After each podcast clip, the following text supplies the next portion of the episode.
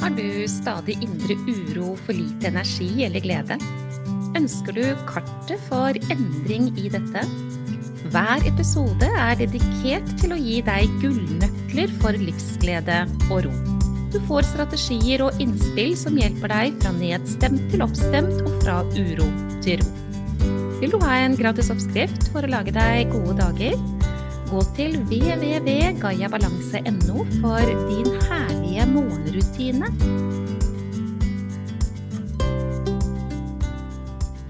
Denne episoden den rommer et kjempegodt tips som eh, jeg på det varmeste vil anbefale deg at du både tar imot og at du gjør bruk av dersom eh, livskraft og livskvalitet og glede er viktig for deg, og at du tenker at dette med å ha minst mulig stress og mest mulig av noe annet er av betydning for deg i ditt liv. Jeg har et tips i dag, og det er motivert av møtet møte med veldig mange mennesker. Og det gleder meg jo alltid. Jeg, um, jeg fanger jo opp, vet du, hva det er som foregår der ute. Og det jeg vil fokusere på akkurat nå, det er dette med å gjøre f.eks. frykt veldig stort og mestring veldig lite. Eller gjøre det negative som har foregått, til å være noe man bruker masse energi og krefter på og snakker om i det vide og det brede osv. osv. Tenker på, elter og velter. Og det gode som foregår, nei, det får ikke like stort fokus, om det får fokus i det hele tatt. Dette med hva man ikke klarer, skal få lov til å være det som man dveler ved, istedenfor at man dveler ved det man faktisk får til. Klarer jeg å gjøre meg forstått nå? Du Forstår du hvor jeg vil hen? Dette her er noe som gjentar seg gang på gang på gang. Og jeg vet ikke om det handler om dette med det siste eksempelet jeg ga, da, med mennesker som Nei, det var ikke så mye det, liksom. Og å, ja, ja, men mener du virkelig det, da? Ja, ja, nei, ut, tusen takk. Ja, ja, det var jo veldig så pent sagt. Og så går den indre dialogen på Nei, men dette var jo bare tull. og nå overdrev du, og dette mener du sikkert ikke, f.eks.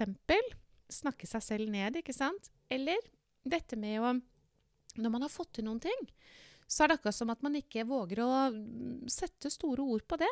Se hva jeg fikk til, liksom. Det er ikke noe særlig sjarmerende, tror mennesker å gå rundt og si.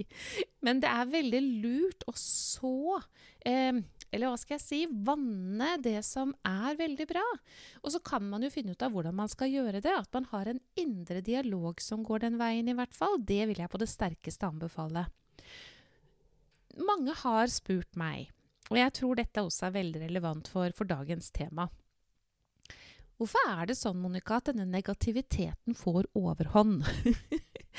Og da vises det gjerne til hva andre mennesker snakker om, hva man selv snakker om, hvor liksom fokuset er. Og det er nok sånn at vi mennesker vi har mye større, altså en mye større del av sinnet vårt er knytta mot det negative kontra det positive. Og da snakker jeg om folk flest. For det finnes mennesker som har et dominant positivt sinn også. Altså som på riktig. Ikke bare den der i maska og smilet og hei og hå, her er jeg liksom, og jeg er liksom så glad og sånn. Men at det er en grunnstemning av det i mennesket. Men de er veldig, veldig få.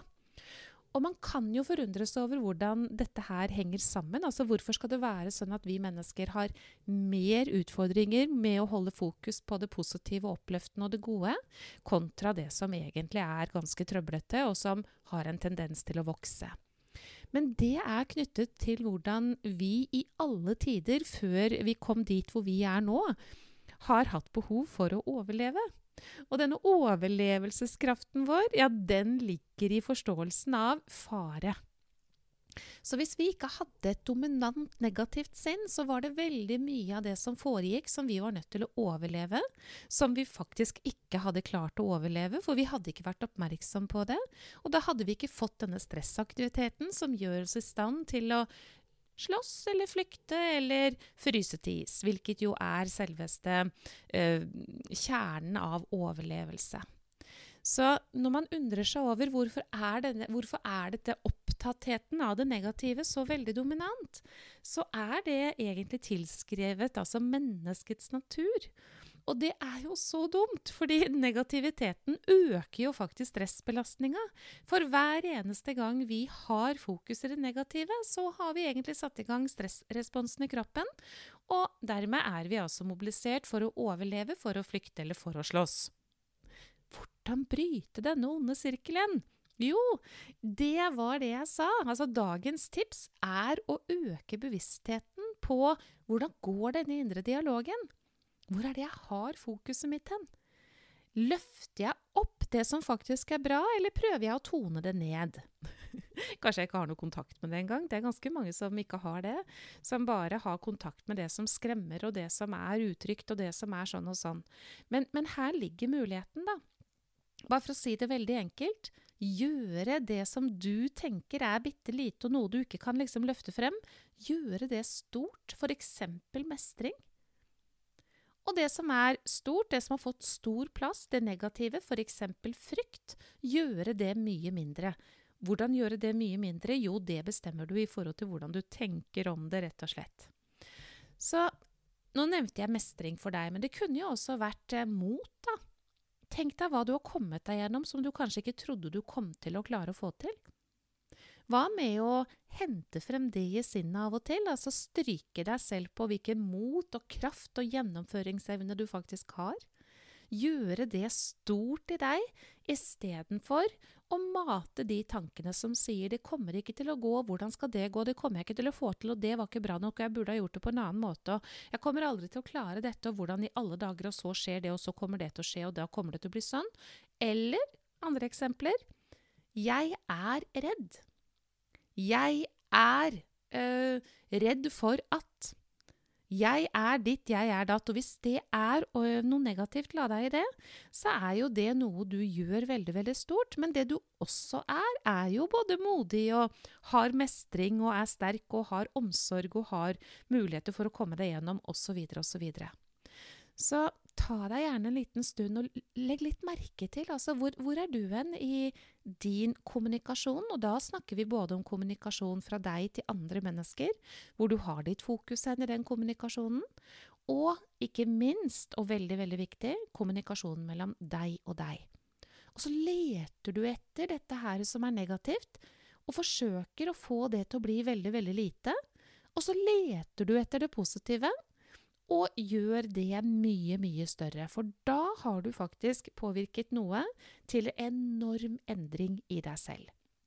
Det er nå engang sånn da, at mengde stress er avgjørende for eh, hvordan vi skal ha det i livene våre, og dette er et grep som eh, det kan være kjempenyttig å ta på alvor. Snakk opp det som du kanskje har hatt en tendens til å gjøre lite, og snakk ned det du har hatt en tendens til å gjøre stort. Positivt versus negativt. Og så må vi passe oss for de tankene som sier at det går jo ikke an, hvem er det vi tror vi er, osv., osv. Janteloven lever jo i beste velgående, men den korrigerer du, for uh, dette er av betydning for deg i ditt liv. Og så husker du på å ta imot den gratis gaven jeg har laget til deg, så du kan starte dagene dine på beste vis. Din herlige morgenrutine. Det er en oppskrift som mange nå gjør bruk av, og som sier til meg at tusen hjertelig takk, dette var helt fantastisk. Ja, det er det. Og den ligger tilgjengelig for deg også på gaiabalanse.no. Gå inn der og sørg for at du får den. Fordi du er verdifull. Ha det!